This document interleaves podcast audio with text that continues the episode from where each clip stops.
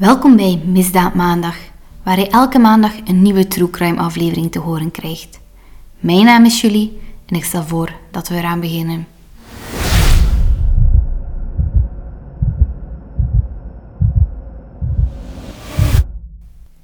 ...14 februari, Valentijn. Voor velen een dag vol liefde en geluk.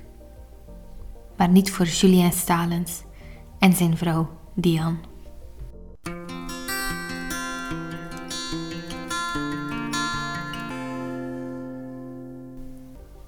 Op maandag 15 februari 1999 wandelde een bezorgde Julien Stalens het politiekantoor van Zomergem binnen.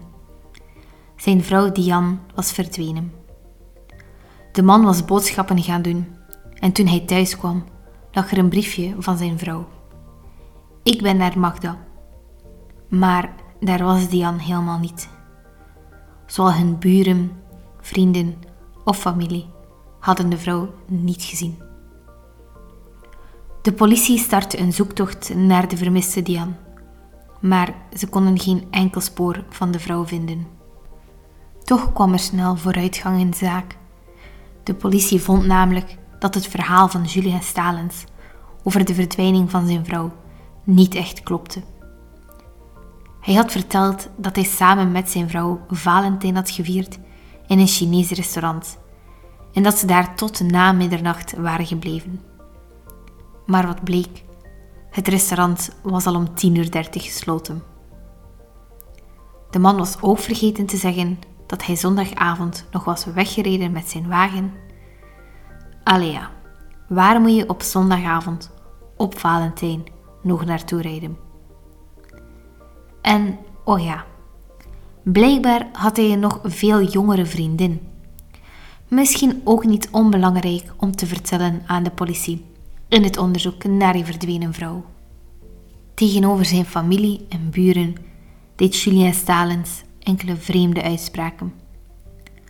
Toen de familie in een waterput wilde kijken, antwoordde Stalens hierop: Daar zou ik daar nooit in gooien, want dat is het eerste waar de politie gaat kijken. Vreemde uitspraak, niet? Julien Stalens werd voor zowel zijn familie als voor de politie verdachte nummer 1. Er werd een huiszoeking gedaan, maar deze leverde niet echt iets op. Op woensdag 17 februari, twee dagen nadat Julien zijn vrouw als vermist had opgegeven, voerde de politie een tweede huiszoeking uit. Deze keer met geavanceerd materiaal en een lijkenhond. De woning zag er spik en span uit. Maar toch vonden de speurders op meerdere plaatsen enkele bloedspatten. Stalens beweerde dat het was omdat zijn vrouw in een glas was getrapt en haar voet had verwond. Maar zo makkelijk raakte de man er niet vanaf. De lijkenhonden sloegen alarm op verschillende plaatsen in het huis en bij de autokoffer van Stalens was het echt prijs. De dag erna werd de man opgepakt.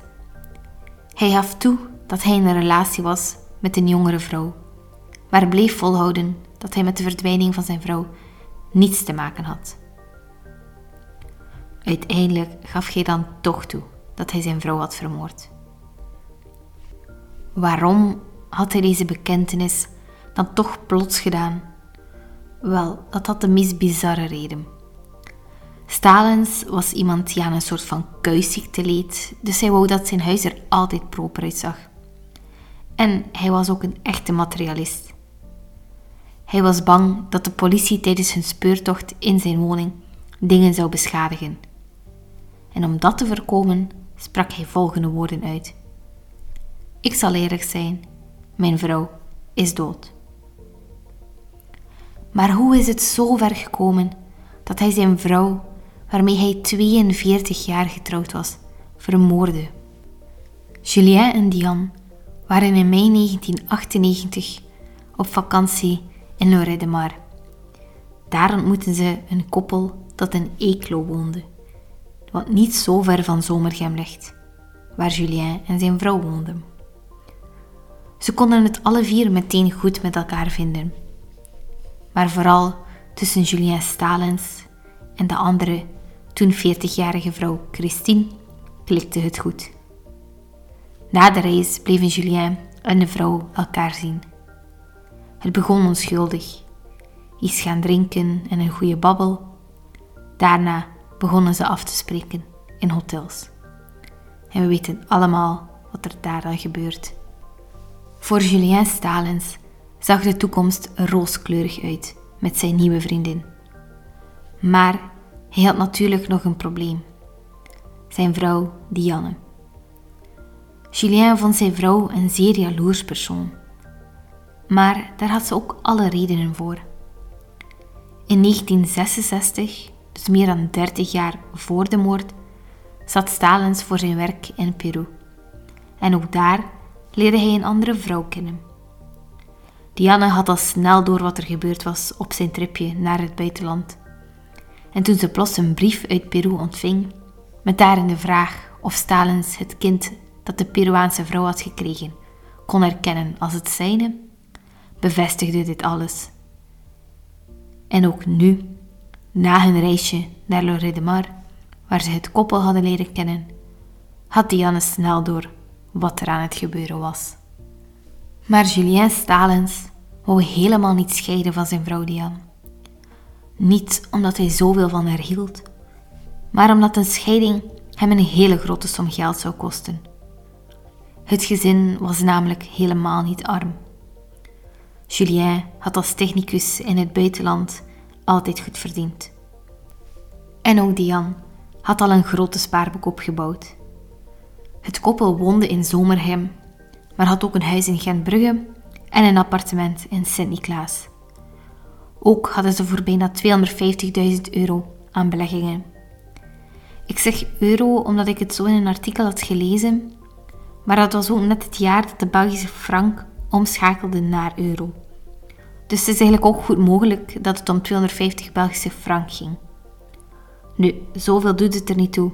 Het is duidelijk dat het koppel niet in armoede leefde. En had Julien willen scheiden van zijn vrouw, dan ging hem dat veel geld kosten.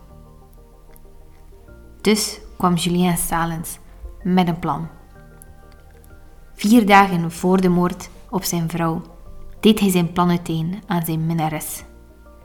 Ik ga eventjes herhalen wat Salens toen ongeveer zei, maar ik wil hierbij wel een trigger warning geven, want het zijn geen mooie woorden. Quote: Ik ga ze kapot maken. Ik ga ze de nek omwringen, nu zaterdag, wanneer ons bezoek de deur uit is. Wanneer ze dood is, zaag ik ze in stukken. Ik ga die stukken verpakken in plastic en verzwaren met stenen. Ik ga de pakken dumpen langs de kanten van Charleroi en Luik, zodat ze de eerste maanden niet gevonden wordt. Eenmaal alles gebeurd zou zijn, zou hij zijn minnares Christine verwittigen. Hiervoor gebruikte ze codewoorden. Delta 1 betekende dat Diane vermoord was. Delta 2 betekende dat hij het in stukken gezaagde lijk had gedumpt. En zo komen we op die fatale dag. Op zaterdag 13 februari kreeg het koppel bezoek. Julien wachtte natuurlijk tot het bezoek de deur uit was voordat hij aan zijn plan begon. En ook hier wil ik terug een triggerwarning geven voor de details die zullen komen. Eenmaal ze alleen waren in hun huis, gaf Stalin zijn vrouw Diane een nekslag. Ze valt neer bovenaan de trap. Stalin knijpt haar keel dicht en slaat haar hart met haar gezicht tegen de grond. Hij geeft haar daarna enkele trappen in het gezicht. Ten slotte wurgde hij zijn vrouw met een touw. Hij draagt haar lijk naar beneden, maar ondanks dat de vrouw slechts 45 kilo woog, had hij toch moeite met het dragen van haar lichaam. Daarom legde hij haar beneden aan de trap om zelf wat te kunnen rusten. En zo komen die bloedspatten daar terecht die de speurders later vonden. Na een korte pauze draagt hij het lijk naar de garage. Ik heb lang getwijfeld of ik alles ging overlopen, hoe Stalens het lijk van zijn vrouw in stukken sneed. Ik had het ook al allemaal uitgetypt, maar besloot om het daarna toch weg te laten. Het is niet de bedoeling om deze zaken te brengen en er een sensatieverhaal van te maken. Deze verhalen worden gebracht ter nagedachtenis van het slachtoffer of om iets bij te leren, maar niet om puur gruwelijke dingen te vertellen. Je kan in een krantenartikel van HLN dit wel allemaal lezen, moest je daarin geïnteresseerd zijn, maar hier laat ik dit allemaal weg uit respect voor het slachtoffer. Dus nadat Julien Stalens zijn vrouw op gruwelijke wijze in stukken had gezaagd, verpakte hij alles in plastic zakken. Hij snoerde ze dicht en verzwaarde ze daarna met stenen. Het deel van het verzwaren met stenen vertelde hij met veel trots aan zijn ondervragers. Dit had hij namelijk geleerd bij de infiltratiecommando's van het leger en hij was er trots op dat hij dit nog kon of nog wist. Nadat hij klaar was met de plastic zakken, begon hij alles tot in de puntjes te kuisen. Je zou toch denken dat iemand die een kuisziekte heeft, waarbij hij alles tot in de kleinste details proper wil, en die nu een crime scene moet wegwerken en alles urenlang met bleekwater heeft gekuist, toch iets beter zijn best zou doen. Want we weten van in het begin van deze aflevering dat de spurers nog bloed vonden in zijn huis. Valentijnsdag bracht Julien Stalens niet met zijn vrouw Diane door. Dat kon ook helemaal niet, want hij had ze de avond ervoor vermoord. Maar de gentleman dat hij is, zei ik natuurlijk met veel sarcasme, bracht hij natuurlijk Valentijn door met zijn minnares. Hij begroette haar met de boodschap: Het is gebeurd. Zijn minnares geloofde hem eerst niet en reed naar zijn huis in Zomergem. Terwijl ze in de garage de zakken ziet liggen, vraagt ze hem of hij het echt heeft gedaan. Wat hij natuurlijk niet ontkent. Een normaal mens zou op dit moment de politie hebben gebeld. Nee, wacht. Een normaal mens zou enkele dagen eerder de politie al hebben gebeld, toen hij dreigde zijn vrouw op zo'n gruwelijke wijze te vermoorden. Nu, dat terzijde, dat is niet gebeurd. Dus wat deed zij met de rest toen?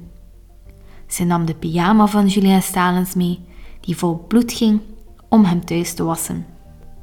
Op dat moment laadde Stalens zes van de acht zakken in zijn auto en dumpte hij deze vervolgens op verschillende plaatsen in het vlakbij gelegen kanaal Gentbrugge. S'avonds gingen hij en zijn minnares dan de laatste twee zakken dumpen. Het assisenproces tegen Julien Stalens begon op maandag 4 december 2000 in Gent. Zijn advocaat was Philippe van Hende. Hij is al eens voorgekomen in een andere zaak die ik heb besproken, namelijk deze van de vermoorde Charlotte van Wallegem. Van Hende stond toen de moordenaar van Charlotte bij.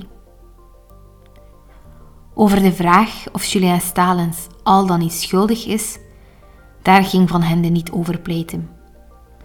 Ergens stond het wel vast dat de man schuldig was, dat was duidelijk. Advocaat Philippe van Hende probeerde vooral een beeld te schetsen van zijn cliënt, om hem er zo wat mooier te laten uitkomen. Maar helaas, voor de moordenaar natuurlijk, helaas. Julien Stalens kreeg levenslang voor de gruwelijke moord op zijn vrouw Diane. Met zijn minnares bleef het nog eventjes duren, maar na een paar maanden dumpte Christine hem dan toch. De man had dus eigenlijk niets voor niets zijn vrouw vermoord. Wat hij eigenlijk sowieso nooit mag doen, dat is vanzelfsprekend. Maar jullie begrijpen wel wat ik bedoel.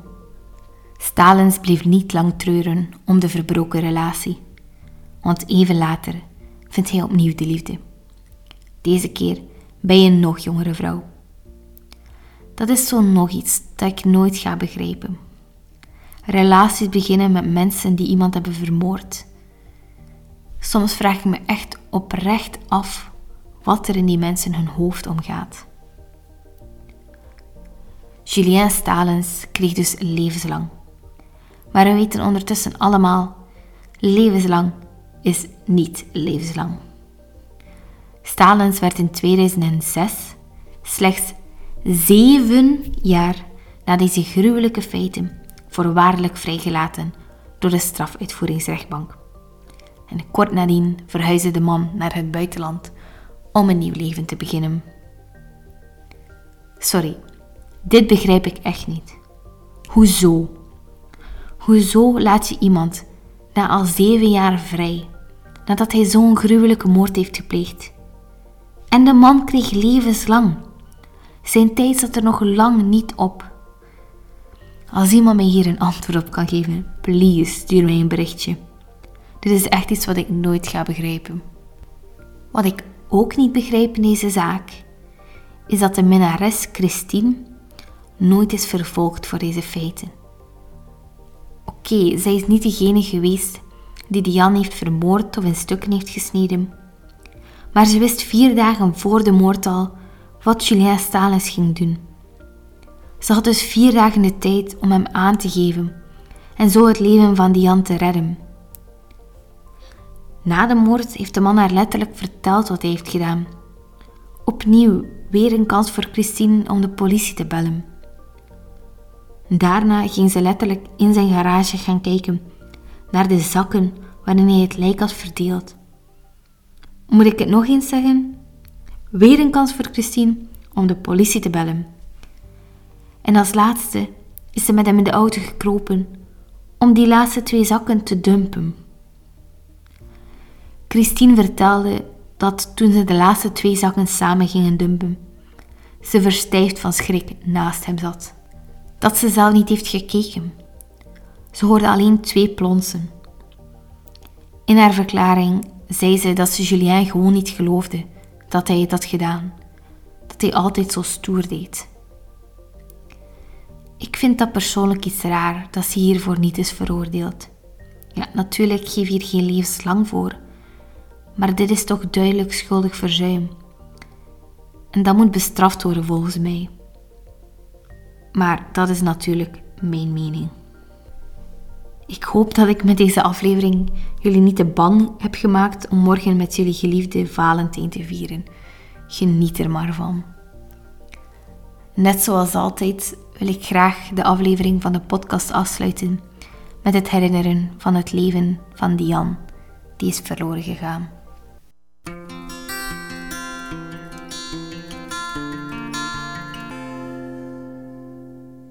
Dankjewel voor het luisteren en hopelijk tot volgende maandag bij een nieuwe aflevering van Misdaad Maandag.